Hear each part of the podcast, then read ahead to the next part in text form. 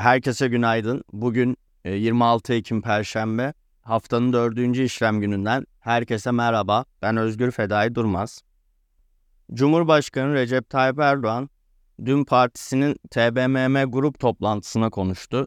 Cumhurbaşkanı Erdoğan, İsrail'in Gazze'ye yönelik saldırılarına ilişkin İsrail devletiyle bir sorunumuz yok ama İsrail'in uyguladığı mezalimi devlet değil örgüt gibi hareket etme tarzını asla tasvip etmedik, etmeyeceğiz ifadelerini kullandı. Erdoğan ayrıca İsrail'e gitme projemiz vardı, iptal ettik, gitmeyeceğiz dedi. BIST 100 endeksi haftanın 3. işlem gününe pozitif başlangıç yapmasının ardından enflasyon muhasebesi haberleri ve yurt içinde siyasilerin İsrail-Hamas gerginliğine ilişkin yaptığı açıklamalarla risk iştahı düştü. Endekste iki kez devre kesici çalışırken BIST 100 endeksi günü %7 düşüş, 565 puan azalışla 7425 seviyesinden tamamladı. Yurt içi piyasalar bugün Türkiye Cumhuriyet Merkez Bankası faiz kararına odaklanmışken beklenti üstü gelebilecek faiz arttırımı risk iştahını arttırabilir. Türkiye Cumhuriyet Merkez Bankası faiz kararı bugün açıklanacak. Beklentimiz politika faizinin 250 bas puan artışla %32,5'a çıkacağı yönünde. Piyasa beklentisi ise 500 bas puanlık bir artış yönünde.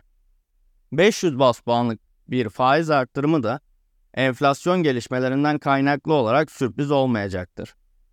Türkiye Cumhuriyet Merkez Bankası tarafından atılan adımlarla KKM'den çıkışların hızlandığı bir dönemde TL mevduatlara da geçişler artıyor. Özellikle KKM faizinin politika faizinin altında olabilme imkanının gelmesi jeopolitik gerginliklerin de eşliğinde risksiz getiri olarak %40'lara dayanan mevduatları cazip kılıyor.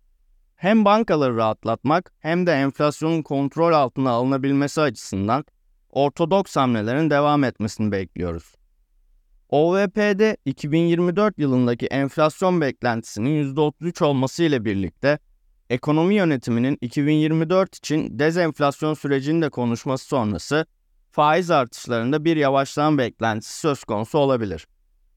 Küresel tarafta ise petrol fiyatlarının jeopolitik gerginlikler ile yükselmesi sonrasında faiz arttırımları ile kontrol altına alınması beklenen enflasyonda tekrar yukarı yönlü hareket olma ihtimali yeniden fiyatlar arasına, fiyatlamalar arasına dahil oldu. Her ne kadar enflasyon endişesi olsa da Avrupa'da PMI verilerinin eşik değerinin altında kalarak durağanlık sinyallerine devam etmesiyle birlikte bugün ECB'den faiz arttırımı beklemiyoruz.